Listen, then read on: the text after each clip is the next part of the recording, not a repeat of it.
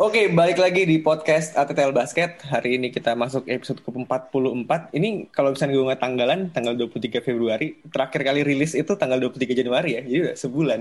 Jadi lumayan lama juga. Seperti biasa, ada gue, Adit, ada Abi. Halo semua, selamat malam. Dan Adit sebulan, tidak... sebulan absen, sebulan absen karena kita membawa sesuatu yang gong kan, Mas.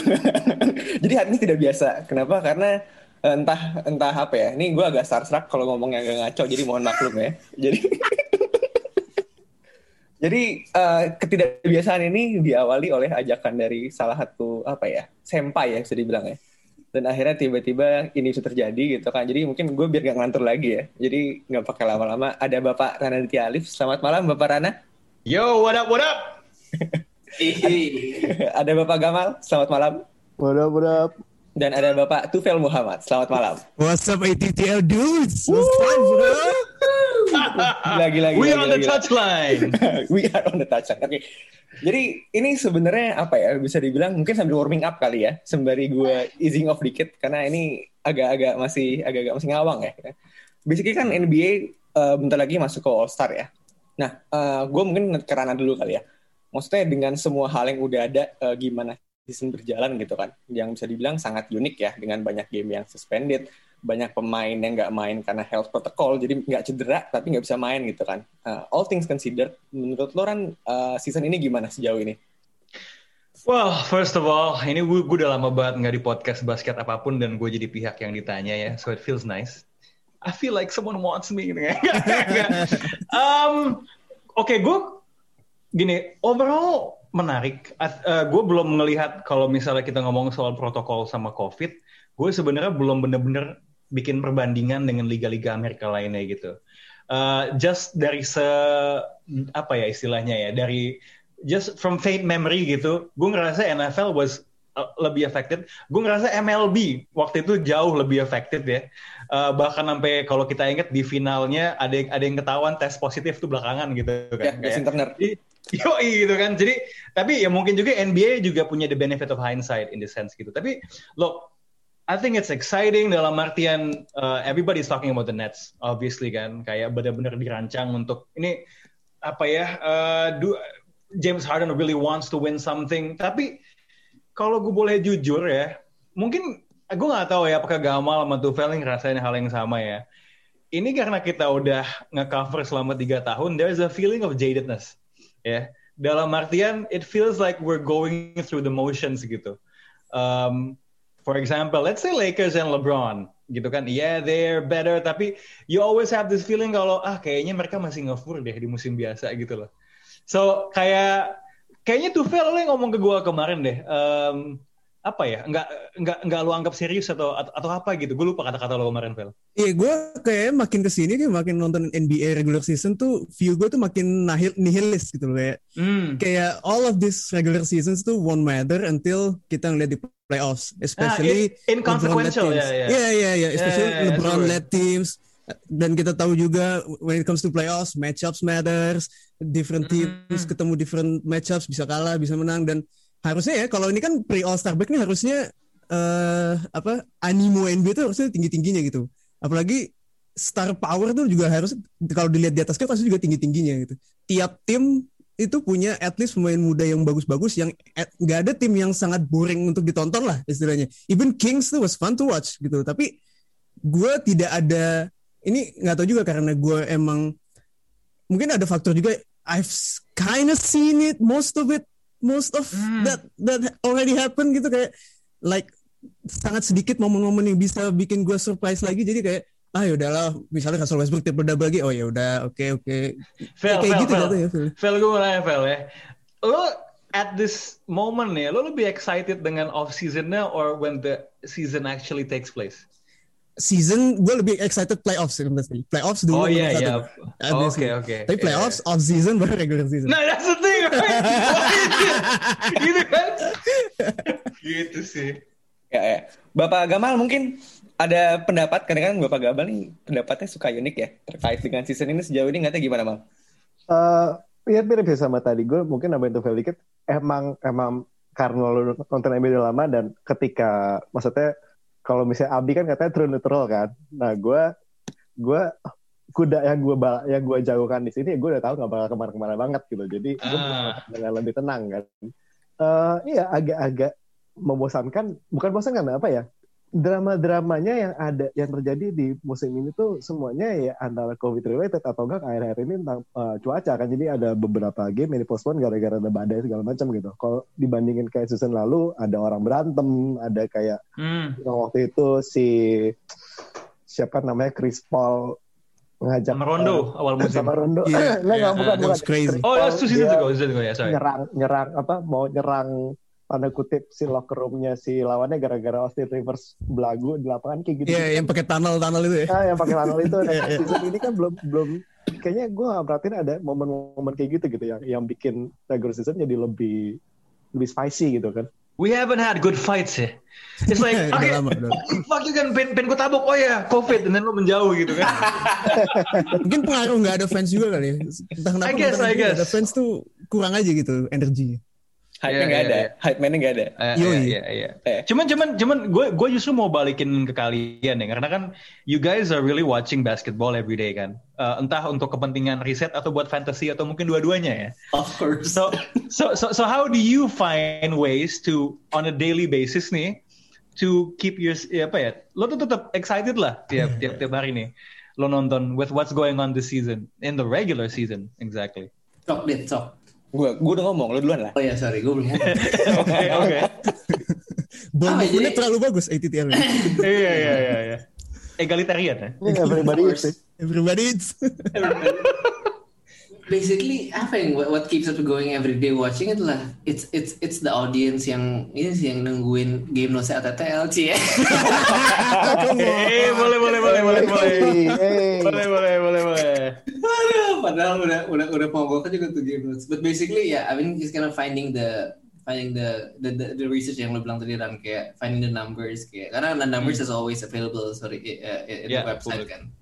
You can Google it and all that stuff, but kayak what what speaks behind the numbers kayak what what play type dan kawan-kawan, what how does actually the steals come from atau the rebounds come from and how does kayak he gets open for the three, how how do how the hell did he make seven threes in a game dan kawan-kawan. Hmm, and so basically exactly. it's just kind of yeah, uh, giving context towards the numbers and Hmm. yeah so basically yeah, that's what keeps us going sih tapi ya but to your point uh, we had a stretch of kayak um, di, di luar kesibukannya dan kawan-kawan adalah ya the game felt bland gitu yang kata tadi tadi Hmm. itu bilang gitu karena once, once kayak oh um, Lakers kekejar atau Lakers overtime gitu ya udah gitu loh dan dan it's not kayak tahun lalu di mana kayak oh shit Lakers overtime I gotta I gotta run to the TV Hmm. and to turn it on gitu loh nggak sekarang gue kayak cuman yang kayak oh ya udah uh, let the game let the uh, Hmm. game pass let the um, NBA app Hmm. and then kayak watch from my phone and then that's it gitu but last year when there was fans when kayak the, the, the whole season was was was was um, Hmm. in in full gear gue harus uh, I need to cast it to the TV gitu loh. Mau berantem sama bini gue lagi nonton apa dia lagi TRX lah di TV gue udah pasti gitu I wanna watch it on the on, on the big screen kawan-kawan. So yeah, Kayak, but, yeah. Gue tuh, gue tuh kadang-kadang ya kayak, oke nih besok nih ada big match. Dan ini kayak misalnya nih uh, Nets lawan Lakers lah. Kan you guys did a small club, apa clubhouse session on that kan. Dan gue, gue jujur gue sebenarnya awalnya juga uh, excited buat nonton gitu karena udah gitu yang nge-host si Jerry Pula kan. Hmm. Nah, uh, sama ada Iriel dan segalanya. And then semalam sebelumnya, oke Durant's not gonna play, Anthony Davis not gonna play. But still, iya, iya. kayak kayak bahkan kalau pertandingannya seru pun, seandainya seru pun, it gets robbed a little bit of the concept. Kayak kayak dua orang main kartu, tapi di dalam pertandingan ini best hand-nya itu nggak keluar gitu loh. Mhm. So so you know sebenarnya untuk jadi takaran yang benar-benar akurat ke playoff belum tentu se it, it doesn't paint the complete picture and then ternyata it turns into a blowout and then lo belum first of all it's already turned into garbage time lo then you open Twitter kan and then the first thing you see adalah di pinggir lapangan Anthony, Anthony Davis in street clothes sama LeBron udah tutup-tutupan mulut ngomong-ngomong gitu saya oh, oke. Gitu. Kayak iya mungkin seru kalau lo nonton dari awal tapi ya ini nggak bisa ya remote controlnya pencet tombol fast forward gitu loh. Iya. gitu sih palingan. Cuman cuman gue yakin ya sebenarnya di balik itu ya itu I mean, this comes from a place of jadedness kan. Hmm. pastinya selalu ada apa ya uh, detail-detail kecil, perubahan-perubahan yang sebenarnya like if you're really into it, it's, it's so interesting to follow gitu. Dan lo juga udah bahas sebenarnya kan Utah Jazz musim ini uh, sangat mengejutkan gaya mainnya berubah, they're on a really hot streak gitu kan. And yet ketika sampai pada waktunya kita bahas di box out, oh like kayaknya kita belum tahu deh ya for real or not because because it has happened sebelumnya cuman aktornya berbeda kan lo hmm. nyamain itu misalnya sama Atlanta Hawks di beberapa musim sebelumnya you know sama sama Milwaukee so maybe that's mungkin sebenarnya menarik gitu loh cuman with with watching a few seasons back tuh jadi kayak apakah ini menarik tapi sebenarnya pola yang berulang gitu. Itu yang mungkin sebenarnya robs a little bit of the excitement. Mm -hmm. And mungkin di Jaditas juga karena kayak biasanya kita we have uh, sorry a six months of basketball maybe seven and then jeda one month atau two months of off season I and get you start again. Yeah right. It, Now we have berapa consecutive months ya of, of basketball nah, non-stop gitu. Nah, berarti ini kan berbeda dengan situasi yang kita bahas di timeout yang ngomongin top shot sama lo juga gitu kan. Hmm. Dengan scheduling ini tidak ada scarcity terhadap pertandingan basket ya kan? Itu dia, Pak. We need to be kita ini kurang thirsty sebenarnya, lo? Iya sih? Kayak kayak ini gue jujur ya milih topik buat box out. Oke. Okay. Bis ya, way. Oke, okay, let's just review apa yang kejadian in the week tapi it at a certain point in time it feels a bit procedural.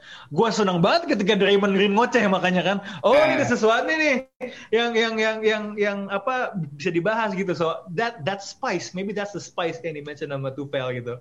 That's sesuatu yang the season needs gitu di luar lapangan. I wonder ya, I wonder kalau kalau kita yang sebagai fans yang nonton merasa kayak gitu, gue kebayang NBA pemain pemain NBA-nya sendiri sih gue yakin tuh hmm. mereka juga udah mulai kayak oh my god nih kapan sih gue bisa play off aja even kayak the likes of LeBron the likes of Kawhi gue udah yakin juga mereka pun udah except Paul George oke okay. Yeah, yeah, udah nggak sabar nunggu playoffs dan uh, mungkin itu kayak efek juga ke produk mereka di lapangan juga kayak uh -huh. ya, ya gue gak gue gak terlalu harus serius juga dengan season gitu loh. Iya iya iya iya. Ya, nah mungkin gue tarik lagi gitu ya. Tadi kan okay. uh, baik karena Tufel sama Gamal kan ngomong soal uh, surprise ya. Maksudnya elemen of surprise-nya bisa dibilang mungkin tadi uh, effect of Jadis juga.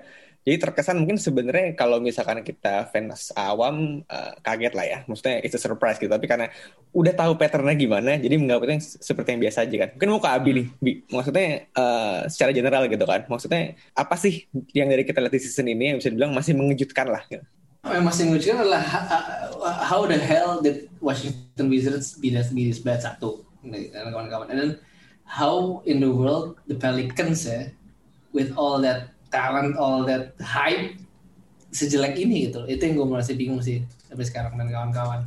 So basically there's there's a couple of of teams yang juga nggak terlalu yang nggak terlalu bagus dan kawan. Dan yang gue ini adalah uh, salah satu yang kita kan juga bikin a lot of um, uh, off season review kan dari itu kita ngomongin banget kayak oh did, did, did, they make the right decision dan kawan-kawan giving giving this player X amount of money dan kawan dan sekarang mungkin maksud gue ya couple of those players yang dapat duit baru tuh menurut gue ini sih uh, apa ya ada ada beberapa yang mengejutkan ada beberapa yang uh, disappointing dan kawan-kawan gitu. And I think that that that's kind of the unique ini sih the unique the, ini perspektif yang mungkin ya kita bisa bawa in, in, in this part of the season Ya, mungkin lo ada spesifik nggak gitu? Maksudnya berarti kan udah udah ngebuka topik, maksudnya ada pemain-pemain yang baru, uh, baru dapat kontrak baru lagi kan? Mm-hmm. Maksudnya uh, out of those names gitu kan, yang menurut lo paling outstanding siapa sih? Bi? Kyle Kuzma lah sih. no, no, no, no, but I mean like he, he's okay, he's okay. Tapi maksud what what what I like is kayak I, I like the fact that ini juga mungkin yang tadi ngomong sama Rana bilang sebelum sama Tufel juga sama Gamal juga bilang adalah one of the spices of the season adalah when Shaq uh, through Shade and through Rico Gobert kayak you average 11 hmm. points in the NBA right now lu bisa dapat 30 juta gitu. But for me from kind of a numbers kayak gue ngeliat Utah dan kawan-kawan kayak oh this guy is not only averaging 11 points dan kawan-kawan but he's actually making his money worth on the floor uh, uh, on the court kan. He has a 35 million extension coming in in the next year tapi he's actually proving himself worthy of that money karena I mean he's impacting the game uh, defensively dan juga offensively karena adds another uh, ini another uh, dimension itu. When you say dimension adalah uh, plane X and Y yeah. in the court, dia, dia nambah verticality ke atas yeah. dan that's that's amazing menurut lo, Ya. Yeah. Lo tau nggak? Gue tuh sebenarnya I, I thought long and hard about how I felt about Shaq talking about Rudy Gobert. Ya. Tapi sama halnya dengan gue seneng Draymond Green ngoceh. Gue seneng juga Shaq ngoceh. Jadi ada cerita buat dibahas kan. Iya. Dan dan kayaknya yang gue amati tuh awal-awalnya tuh ada backlash terhadap Shaq.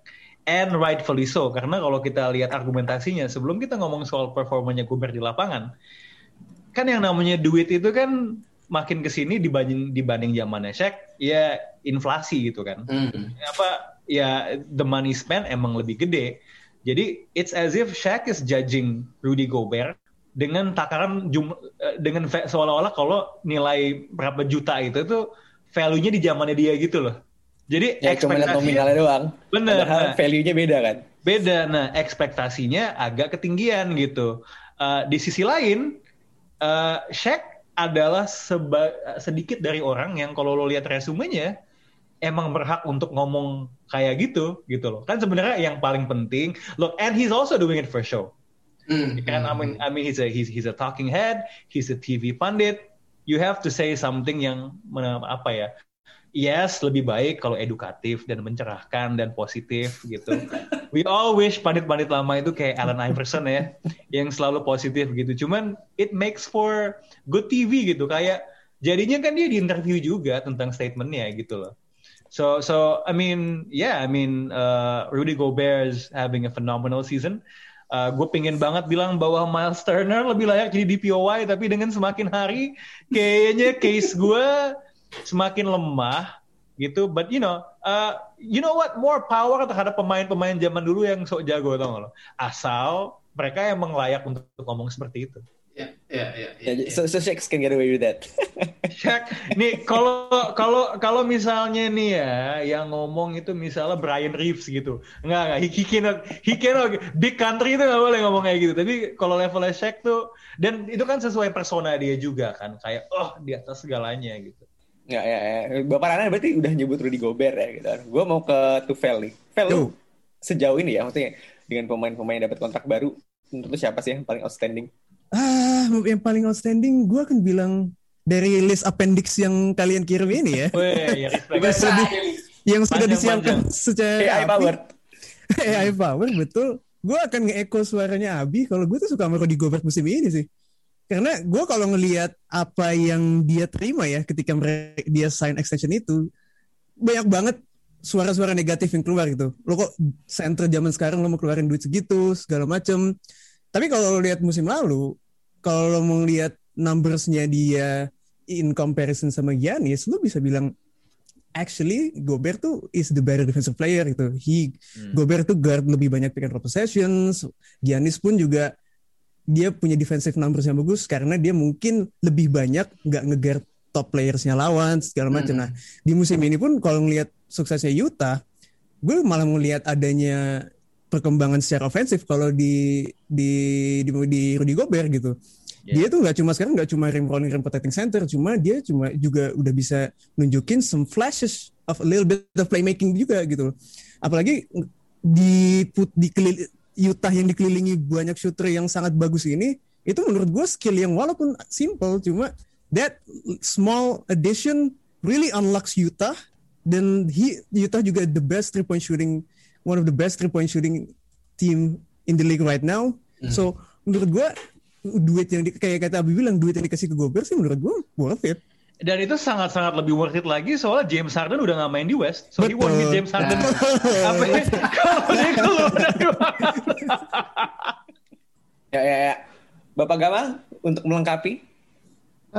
Ah, Gobert udah di udah dihabis semua ya bah- bahasannya. paling, paling yang yang cukup menarik eh, Fred VanVleet kali ya kalau yang yang maksudnya undrafted akhirnya dapat max Federico. uang, uang uang segitu dan oke Raptors di awal-awal eh, mereka mainnya lumayan berantakan tapi mungkin ke sini kan udah makin udah lebih rapih lah ya dan dan gue perhatiin juga Fred VanVleet banyak step up gitu karena kan si Lowry eh, beberapa kali cedera beberapa, beberapa kali eh, antara cedera atau emang dia ini aja rest aja gue lupa tapi dia dari yang dari eye test aja sih gue ngeliat dia mainnya lebih atau ya kan bet- baru naik gaji aja sih jadi mainnya lebih semangat lebih bagus sih gue jadi ngeliatnya Hmm, Ya. hmm, hmm. Ya, it Lu kan belum. like Eh, gimana gimana? Enggak maksud gue kalau kalau ngomongin soal Van Vliet ya it's funny ya. Um, perlahan-lahan emang it kind of feels like it's becoming his team. Actually. Iya iya iya itu. Iya. Gitu loh. We all thought obviously it was gonna be si, bukan gara-gara- si Gasing. Siapa namanya? Siakam. Gangsing Lebih siapa? ke lebih ke Siakam. si, si gasing itu fade away, fading away, bukan. Eh, Oke, oke. Fade into the background di, sementara Fred lebih lebih lebih maju gitu kan. Oke. Second coming of Kyle Lowry sih. Eh, Apa iya, tuh iya. build-nya? Stocky, stocky kecil gitu ya. Uh, think in the right places. eh, coba coba coba coba coba menurut lo ya kan Kyle Lowry itu dia tuh dia tuh bertransformasi setelah dia mulai diet kan. Yo. Lo tau gak sih ceritanya? I think it was from 2013 to 14 or 14 to 15 tuh. Dulu kan dia tipikal pemain yang ah malam gue masih lapar Kentucky. Iya kan? dia kayak gitu nah. Menurut lo sooner or later Van Vliet bakal kayak gitu juga gak? Fanbet ada urusannya juga kayak bahkan baru punya anak tuh dua tahun lalu anaknya Oh, iya dua tahun jadi kayak Oh. anaknya makannya nggak lagi empasi kan tuh sekarang anaknya nggak nggak habis iya, makan iya. dia nggak habisin mungkin nanti kalau anak- ada ketuaan dikit dia mungkin bisa jadi ini kali Iya, ketika usaha. anaknya udah nggak minta happy meal lagi ya, baru. Yo, iya. Tapi maksud gue ya, that's ini sih. Ya bener sih maksud gue kayak, I mean, Van Fleet being that linchpin dan maksud gue Kyle Lowry is an inspiring deal juga. I think yeah, this season is a transitional phase for Raptors, for the Tampa Bay Raptors, and yeah, it, it, it- it's fun seeing them play uh, with Van Fleet uh, on the wheel. Mungkin nanti menarik untuk ditunggu ya, apakah untuk kebutuhan motivasi internal gitu, eh, pemain figur olahraga tanpa Bay lainnya itu di- dipanggil gitu loh. Suruh bikin speech di locker room ya. Eh ya speech eh, mu- sebenarnya akan lebih efektif kalau dalam kondisi menenggak eh, tequila alpukat ya.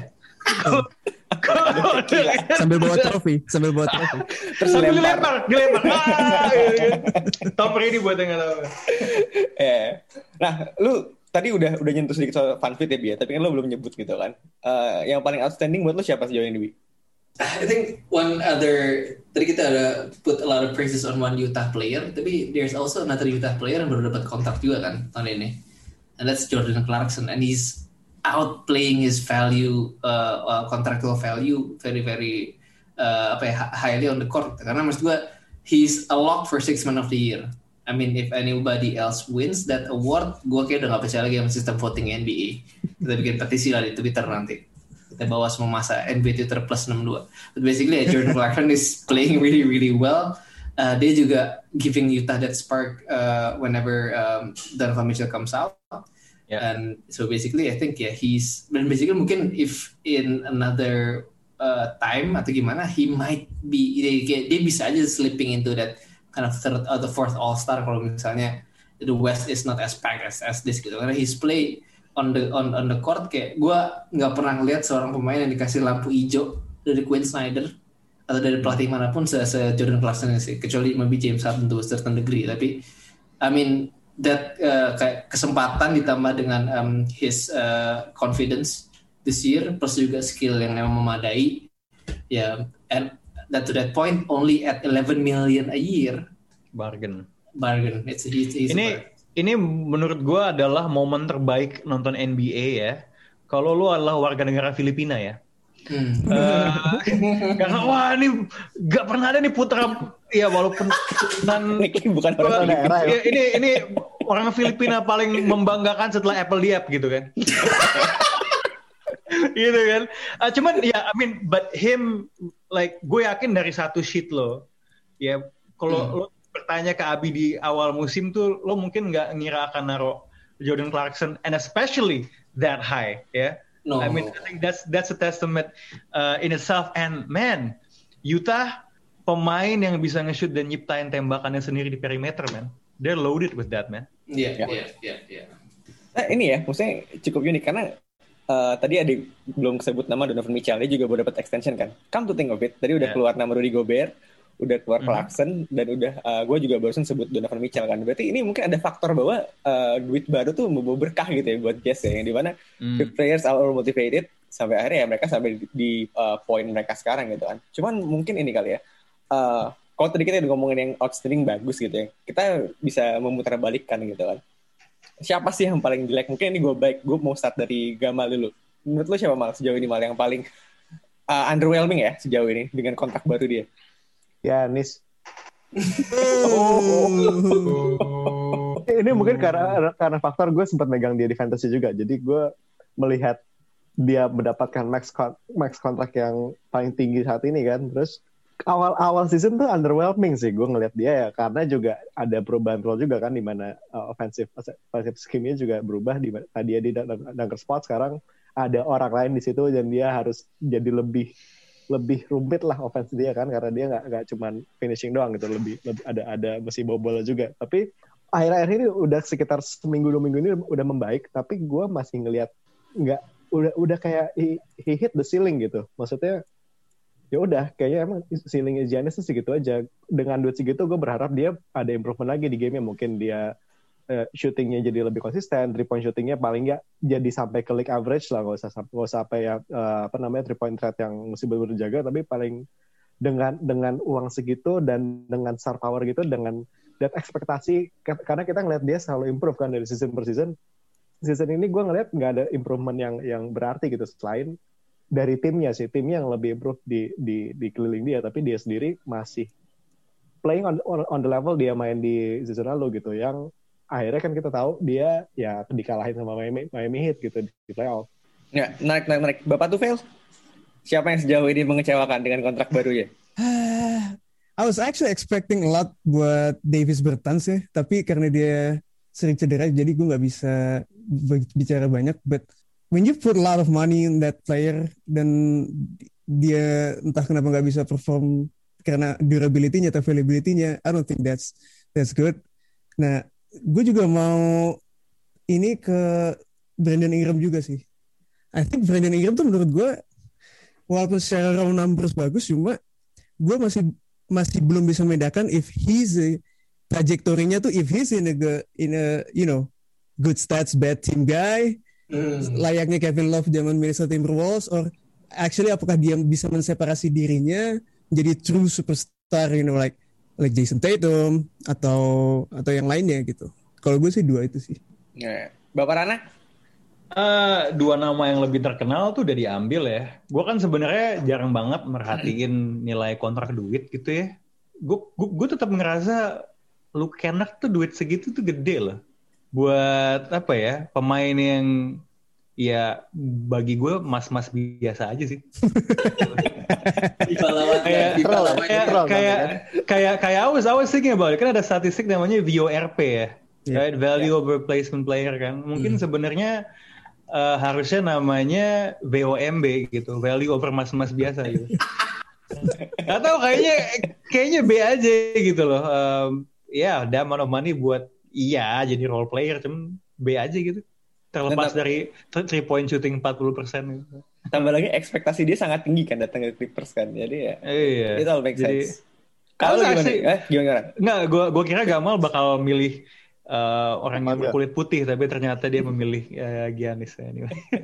kayak itu juga mengecewakan sih ya yang baru pindah tim itu kan yang yang baru pindah dari eh, apa namanya Blue State ke Red State itu tuh. Dari big market ke small market. Ah, yang, yang biasa juga banyak gitu kan itu juga mengecewakan sih tapi kayak dari awal juga kita udah ngelihat kalau ah, ini ini kemahalan buat buat buat dikasih duit segitu dan kita udah tahu karena eh, apa namanya sejarah cederanya dia dan dan gimana dia main di akhir season kemarin yang emang gak bakal perform segitunya sih dia jadi ya bukan bukan emang sesuai ekspektasi kan Ya, mes- meskipun sempat kasih sempat PHP di awal musim ya, sempat bagus Iya, ya. iya.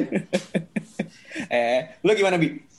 Um, gue, I mean, I- I'm gonna cheat on this dan gue nggak ngomong-ngomong kayak, oh gue, uh, I won't say that this guy does not perform, tapi kayak ini orang suwe banget sih. I want to say Markel Fultz. I mean, this guy was a number one overall pick, Hmm. and then he had that shoulder something. I don't know if it's an injury atau kayak mental problem eh, with the yips atau gimana. And then he was traded to the, to the Magic, and then he was playing well, got an extension, walaupun gak gede-gede banget ya. He has an AC, kenapa gue ketawa ya? And then he has an ACL injury gitu. Okay, what? I mean, when I heard that um, news, I was like, oh man, uh, I mean this guy, kayak, it could have been kayak kalau di Rose dulu sempet kayak peak, and then he had a knee injury. This guy didn't even peak, and then he has an ACL injury gitu. So it, I mean, what maybe it's gonna be the one of the biggest what ifs in the in, in, in the league sih. Tapi in terms of kayak nggak not performing, gue juga ada nama another white guy is Bogdan Bogdanovic sih. Karena with the way his agent handles his issues on the court gitu ya. Eh on the, off the court kayak um, forcing a trade um, menggagalkan perpindahan dia dari Sacramento ke Bucks dan membuat ruwet kita juga yang udah bikin itu trade grade terus nggak jadi kan gue juga Udah Oh, di iya, post bu- langsung take down. udah di post terus trade udah kayak apaan sih nih bocah? Sebenarnya ada satu episode box out juga awalnya covernya ada si itu kan ya, ada si Bogdan ya. Iya yang Queen's Gambit itu. Giannis, Queen's Gambit ya. So, Iya, iya, iya. Anyway, minor, minor. Mana? Itu basically bikin kesel kan tuh. Coba nanti ditanya ke desainernya deh. kesel? Oh iya iya enggak si si Yuda lumayan bete sama gue. Tapi kan gue emang suka suka mikro ya kayak hal-hal nggak penting gue urus so that was like an added detail to, to that particular episode. Yeah, It's all about details. All about itu. Nah sekarang speaking of the details, kayak nih Bogdan tuh dia dia, dia forcing himself to move to Atlanta juga. Um, terus di sana walaupun ini ya sekarang di injury, tapi before the injury he was playing like shit. Kayak not even double digit points uh, for for for the season. ya. And he's Tapi shooting- itu masalah Atlantanya nggak sih? Emang itu tim terlalu stack nggak? Maksudnya stack in a, bukan in a good way gitu. Terlalu terlalu banyak pemainnya dan Redundant ya. Iya. Iya, mereka nggak bisa bikin role yang baik dari pemain itu kayak ada John Collins, ada si ada Capella, ada si itu juga siapa namanya si Danilo Gallinari itu itu itu rotasi yang aneh banget sih menurut gue dan ada Kevin Herter lagi naik, terus Hmm. si Dan Andre Hunter. terus ada Rondo, ada Bogdan juga, benar Hunter. Cam lagi? Reddish siapa kabar ya? Cam Reddish, Masih ada sih? gitu kan. Masih ada deh Cam Reddish. Masih ada Masih ya? ada, kan? Oke. Nah itu penuh banget dan maksud gue kayak iya I mean dan maksud gue kayak if you're trying to kayak if you if atau if your agent is trying to uh, position you as an alpha gitu ya dengan banyak mau Uh.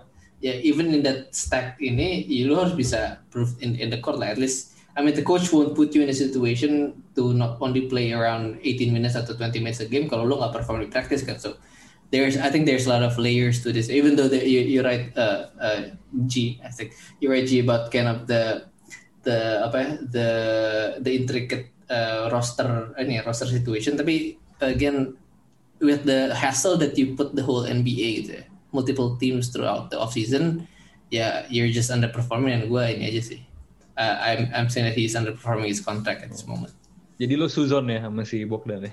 Suzon pak I don't sentiment, ya. sentiment I might be a true neutral tapi kalau ada pemain yang nyebelin I would I would easily hate that player gitu Ya, ya, ya, ya.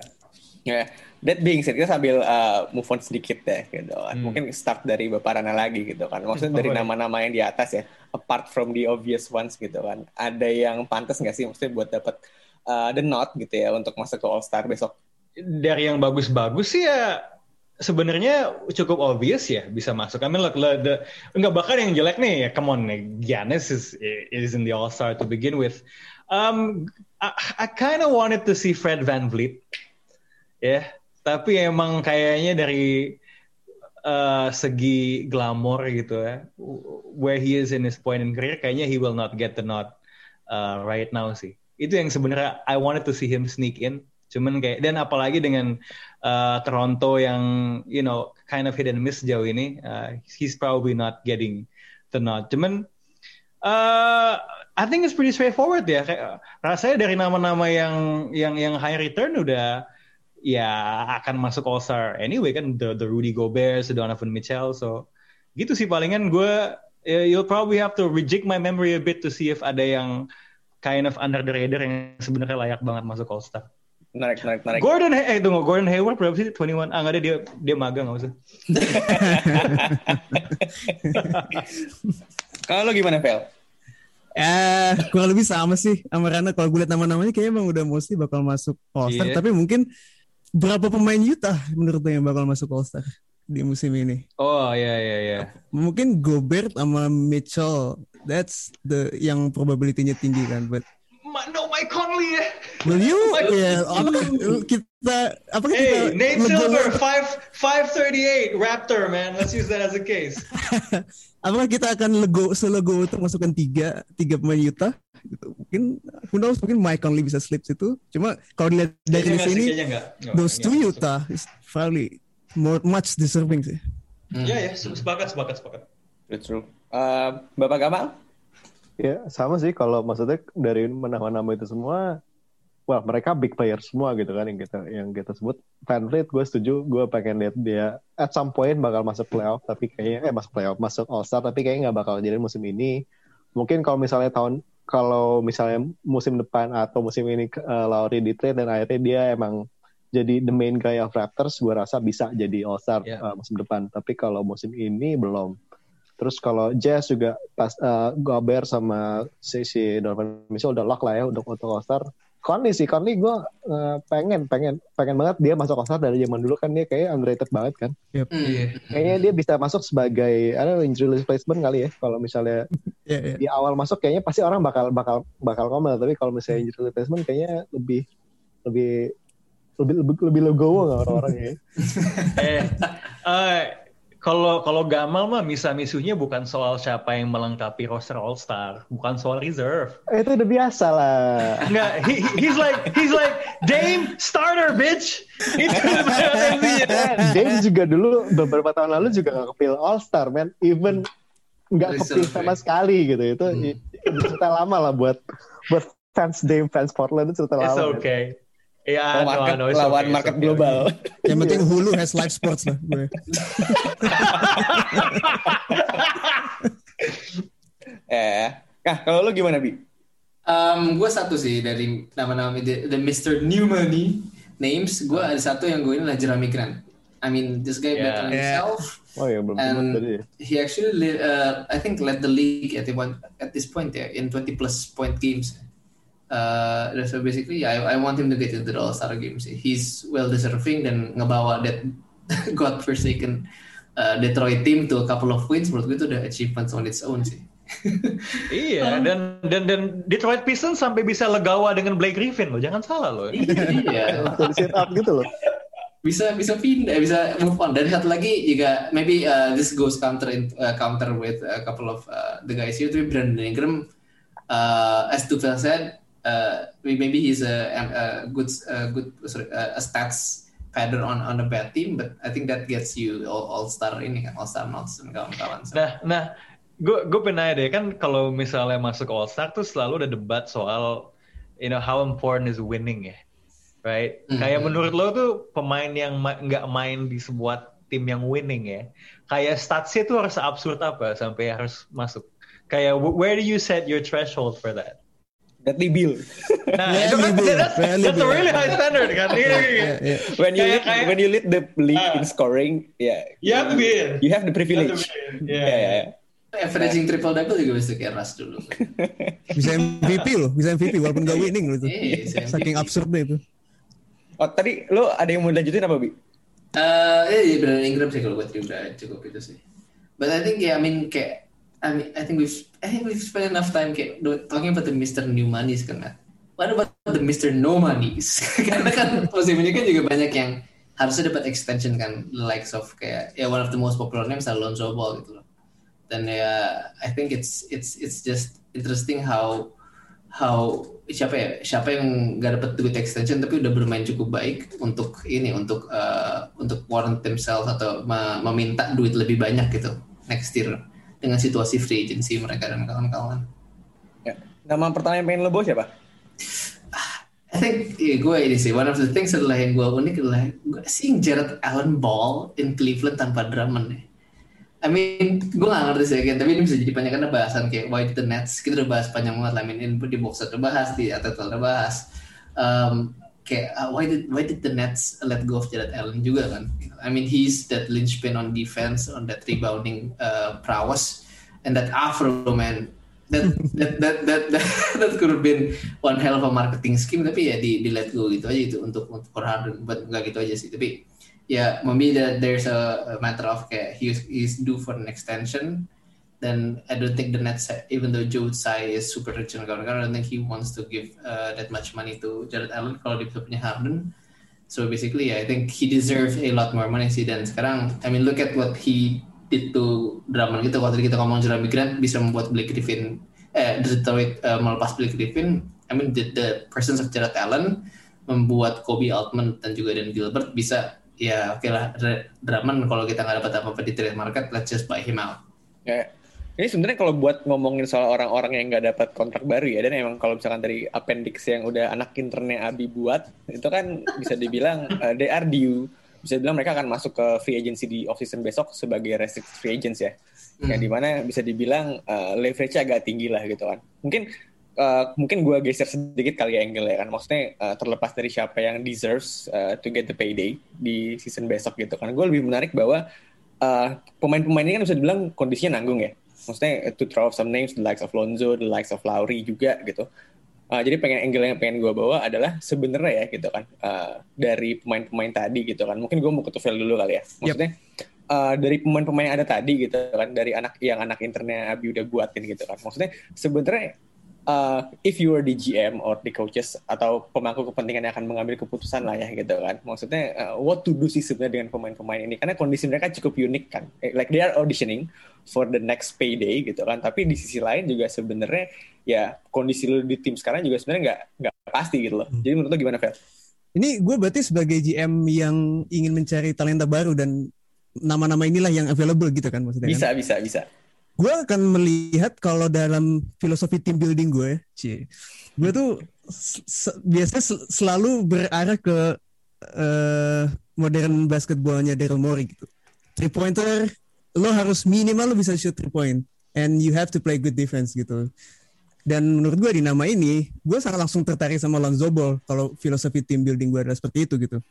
Mungkin musim ini dan mungkin sebagian musim kemarin ya, kita udah dikasih lihat kalau sebenarnya ceilingnya si Lonzo Ball itu pandangannya udah agak shifted gitu.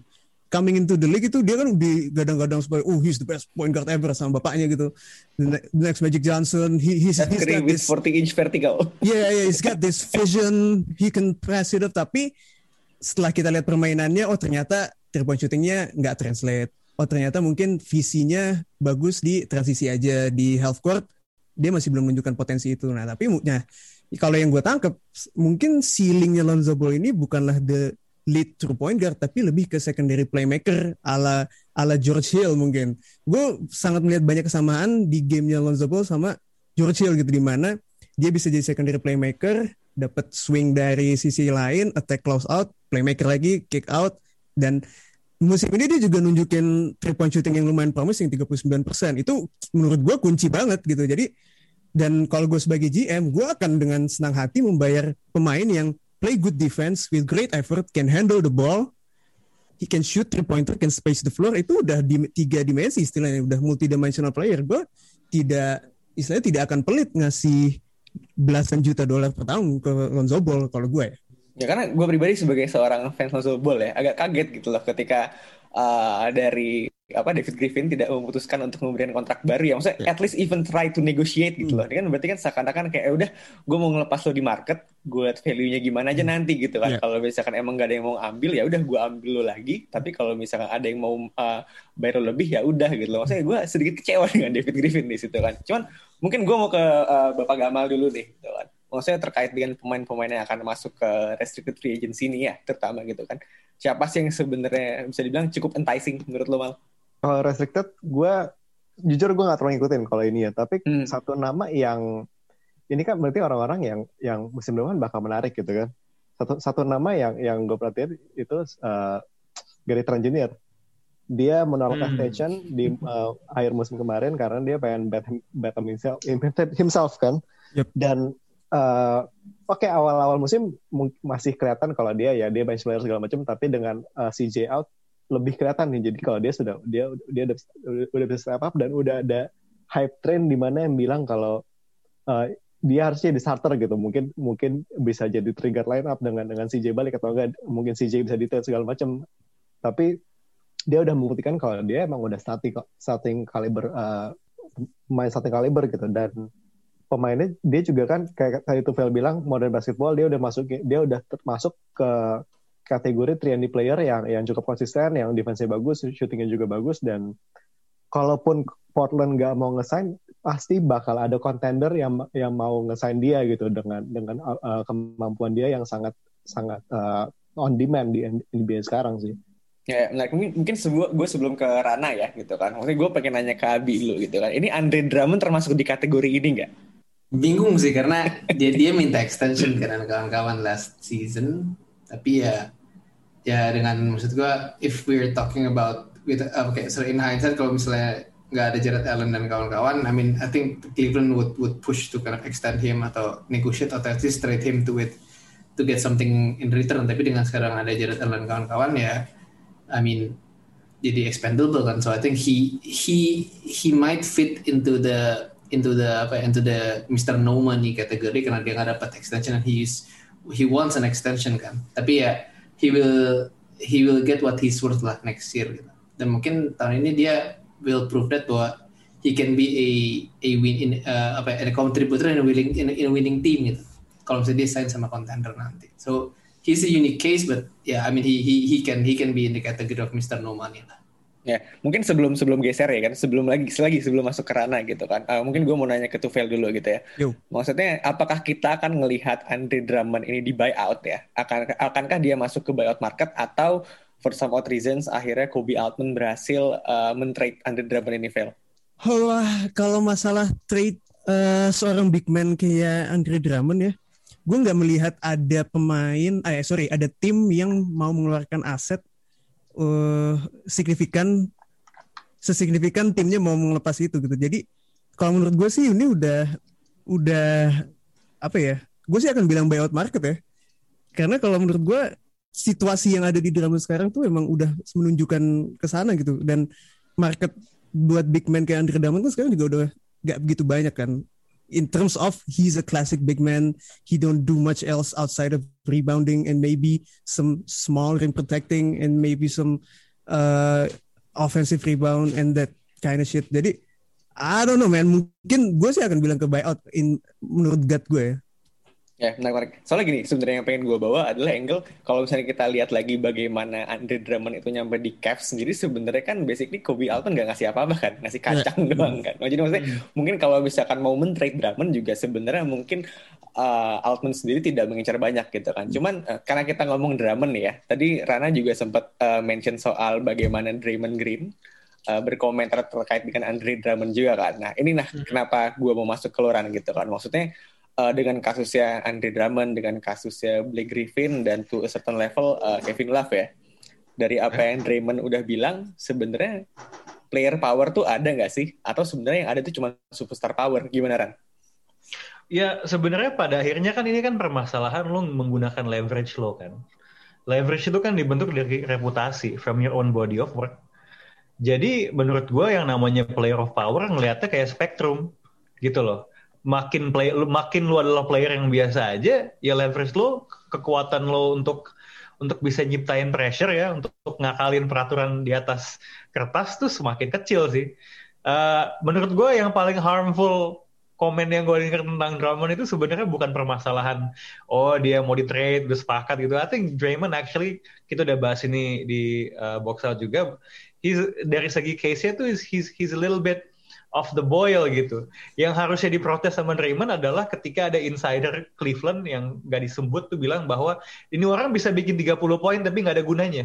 Itu hmm. yang sebenarnya merusak reputasi dia. Kalau menurut gua sih sebenarnya ya. Hal-hal kayak gitu yang harus dijaga sih sebenarnya. So um, yeah, I mean mungkin mungkin memang condongnya lebih ke superstar power gitu karena ya ke mana lah James Harden still had two two years on his kontrak kalau nggak salah kan and he could command that gitu kan sampai Jared Allen dia ikut ya yeah, demi value harus di trade gitu. So ya yeah, for sure uh, player power itu ada tapi superstar power lebih apa ya lebih kentara gitu loh. I mean let's kalau kita keluar dari, dari ngomongin soal trade atau perpindahan gitu kalau kita mau ambil contoh yang paling ekstrim superstar can make liganya nggak dimainin. Ketika lagi bubble kan ah ini kayaknya kalau LeBron gak sepakat nggak akan ke mana-mana kan. Yeah. So I think gitu sih apa namanya memang ada apa istilahnya ya. I wouldn't say it's superstar player versus player power, tapi lebih kayak itu uh, uh, apa ya? It's like a graph gitu loh. The bigger you are, the more power you have. Yeah, mungkin Bapak Gamal ada yang mau ditambahin? Uh, ya setuju sih kalau kalau makin gede kontribusi lo ke tim makin nggak nggak cuma dan nggak cuma ini aja kan nggak cuma di lapangan gitu kalau misalnya kalau LeBron kan powernya juga extend sampai di luar lapangan gitu. Dia punya influence over the other players, dia punya dia punya political power juga. Makin gede uh, impact lo ya makin gede power lo. Tapi mungkin ada satu artikel menarik sih di The Ringer tuh kalau misalnya kemarin ada yang baca yang soal pemain-pemain fringe players gitu yang, uh, yang mereka udah out of the league yang benar-benar nggak itu mereka benar-benar nggak dianggap gitu. Jadi ya player power bener kayak kayak Rana bilang lebih lebih ke seberapa kontribusi lo ya ekonomi sih ujung-ujungnya. Ya, apa namanya apa yang lo bisa lokasi ya tim juga bakal kasih lo lebih juga kan. Sementara Hmm. pemain-pemain kayak Snake Stauskas gitu kan kayak di trade ke beberapa tim. Beberapa tim dalam eh, dalam waktu yang waktu yang singkat. Jeremy Lin di- Ya, Milan. probably the bang ke biggest mana example. mau balik lagi ke NBA juga mereka jalannya Hmm. susah kan mesti masuk League lagi itu kan lu mesti swallow your pride segala macam dong Mhm. Ya, ya, ya. Eh, mungkin dari lobby ada yang mau tambahin lagi nggak? Um, no, I mean, I think the, the gang uh, kept ya, saya boleh nggak gue pengen kenal the gang? Bebas, Scooby bebas. kira Scooby Gang, Scooby Gang. Scooby Gang It's always Istilah fun. Buffy itu sebenarnya Scooby Gang. Gucci gang, Gucci gang. Well, basically, I think yeah, it's it's unique di mana yang kayak tadi kayak uh, different players uh, can get different, different, but it's it's it's it's it's just life kan. I mean that's that's Yeah. just life in, in general juga. Jadi jadi, jadi melankolis. But yeah, I mean I think it's it's it's gonna be it's apa ya the next couple of weeks gonna shape up ini juga sih mungkin that chap, the the championship uh, picture yang tadi kayak Tufel bilang itu kayak if someone kayak sekarang as we speak uh, there's a there's news about the MC actually being released by the Rockets. If he joins a contender like the Nets or the Lakers that's gonna change the landscape kan? Dan maksud gue let's say if Drummond and then kayak uh, di buyout juga and then he joins whoever whichever team the the, the, the Marcus doesn't join gitu loh. Maksud gue it's gonna be a, a, a really interesting aja sih interesting apa namanya tuh um, transaction movements in the next couple of weeks. And that's gonna shape up the NBA sih Bi, tapi gue mau nanya deh, menurut lo Yes. orang kayak Drummond nih ya, lebih besar kemungkinan dia ke tim contender atau ke tim yang secara ajaib bener-bener butuh pemain atau his skill set sebenarnya. Karena kan sekarang tuh dia sebenarnya he is most linked with the Raptors kan. Iya, iya, iya. Ya kan, kayak oke I can sort of see it, they kinda need karena ya Aaron Baines gitu-gitu aja sama Chris Boucher terlalu kurus gitu ya. Karena gitu tapi terus well like fail fail uh, lo ya ya palingan kalau di Dallas cuma kalau buyout you would you would Ya. want him kan Ya, Right? betul, betul, betul. so but but do you think kalau dia masuk your team becomes a contender I'm I'm not sure Gue gak yakin kalau itu. I'm not sure I'm not sure Gak yakin. gitu loh kayak apakah he moves the contender needle Uh, Hmm. nggak tahu gue nggak tahu gue jujur gue gue gue kalau itu dijual di Texadana gue belum takes beli sih gue gue gue belum beli sih tapi kalau Texadana itu ratingnya kayak B B. doang gitu. Tapi Gas mungkin tong angle-nya, belum, gas tong. angle-nya gini kali ya. Lebih ke apa namanya? Mungkin on the bigger picture he doesn't really move the needle for your Aha. team. Tapi lebih ke daripada lawan yang punya, mending kita yang punya gitu loh. Right, Bagaimanapun kontribusi yang bisa dia kasih kan. Kasihan aja Really ya, though? tapi. Kasihan tunggu, aja tunggu, tunggu, tunggu, tunggu, tunggu. But really, really though? Kayak would you, ah shit, they got Drummond. I'm just thinking about it. You're Nah, like, if you put it that, if you put it that Drummond way, kan mess up your offense man kayak ada ada kan klipnya yang dia megang bola terus Bro, zoning out. gitu. bro, udah gitu dia tukang bohong kan, nembak three point di apa uh, off off season itu dia ber- berapa persen three pointnya tadi di di, di, di dokumennya ATTL itu? zero close The zero, right? That's the point. Did you trust him to do anything? Kayaknya, kayaknya, kayaknya Aman Rahman tuh itu. It's not that dia tiba-tiba bisa jago, tapi trust issue-nya itu loh. Kayak oh, pi- orang tuh sebegitu nggak percayanya sama dia. Gitu. Lo, lo, lo, lo, lo lihat gak sih ada yang uh, bilang kalau hidup dia tuh nggak sama. Dia tuh dulu tuh ada pacaran sama bintang DC Channel lo gak sih lo? Ya lah, I know, I know, I know. Yang kuntet banget itu, kuntet. Bukan, bukan di channel Ran, bintangnya ini uh, Apa tuh? Lupa gue Nickelodeon, Nickelodeon. Tahu lagi Iya, anjir. Aduh, Ini kan tahu tuh, gue tahu. Yang yang tingginya sep- sepinggang kan like that's so weird man wah yeah anyway Tapi to, Ya. your, to answer your question ya, maksud gue kayak he, will he go to a contender? Tapi menurut gue kalau dia sendiri dia pasti milih ke tempat yang dia bisa main 30 minutes per game karena he's playing for his contract. Eh tapi ngomongin Drummond, kalian pernah lihat gak sih ada orang yang punya bulu di bahunya setebal Drummond? Ini gue seumur, seumur hidup gue cuma lihat Drummond doang loh, ada bulu di situ loh. Eh, bulu di mana di mana? Di bahu pak, di bahu dia tuh Eh, saking tebel apa Gua Oh, oke. Gue punya sehelai bulu di di, di bahu soalnya. Tapi nggak Kayak- Drummond pak. Enggak. lihat Drummond pak. Itu Dia kayak itu bukan dia kayak dari, dari, dari punggung kan dari punggung tapi dari atas gitu kan ya nggak sih kayaknya gue nggak tahu. Enggak, jadi mungkin ceritanya Alkisah adalah suatu hari dia pengen dipijit gitu kan. Terus bukannya baby oil malah iwak doyok tapi di bahu. Iya. Waduh. Anjing aneh dia kebanyakan ini order dari Mr. Brewok. Eh, shout out Oh Mr. iya. Brewok. Eh, eh, volume mail High Eh, value apa, male. Apa High namanya? value mail, High value value mail. High High value value mail. Kalah high value shot corner three kalah. High Eh, value he got, eh, he got high value shoulders, bro. Eh, oke oke. Ini mungkin eh, sebelum ditutup ada yang mau menambahkan lagi? Kayak udah kalau udah ngomongin hair apa bahu apa Drummond kayaknya udah ya. udah udah udah. udah. Eh, yo, yo, yo, gue gue cuma mau bilang thank you for inviting us and also nongol di timeout juga dan buat yang lagi dengerin di podcast eh, yang belum dengerin go check it out karena kalau lo mau pembahasan NBA yang sangat detail eh, yang sangat well prepared, sangat well researched gitu untuk bener-bener ngeliat stats tapi juga statsnya nggak in isolation ya maksud gue kalian I think you do a great job of actually collecting the numbers but also giving it context which I think is really important So eh, go check out this pod, um, ATTL, sekutunya box out nih. Oh, Respect, respect, respect. Really an honor. Respect, respect, respect. Oke oke. Jadi paling gitu dulu aja kali ya buat hari ini. Sekali lagi thank you Bapak Rana, Bapak Gamal, Bapak Tufel. Ini Yo, mungkin bisa gue coret dari bucket list gue ya. Oh. Gitu. Jadi giling gitu ya. affiliate ya, box out.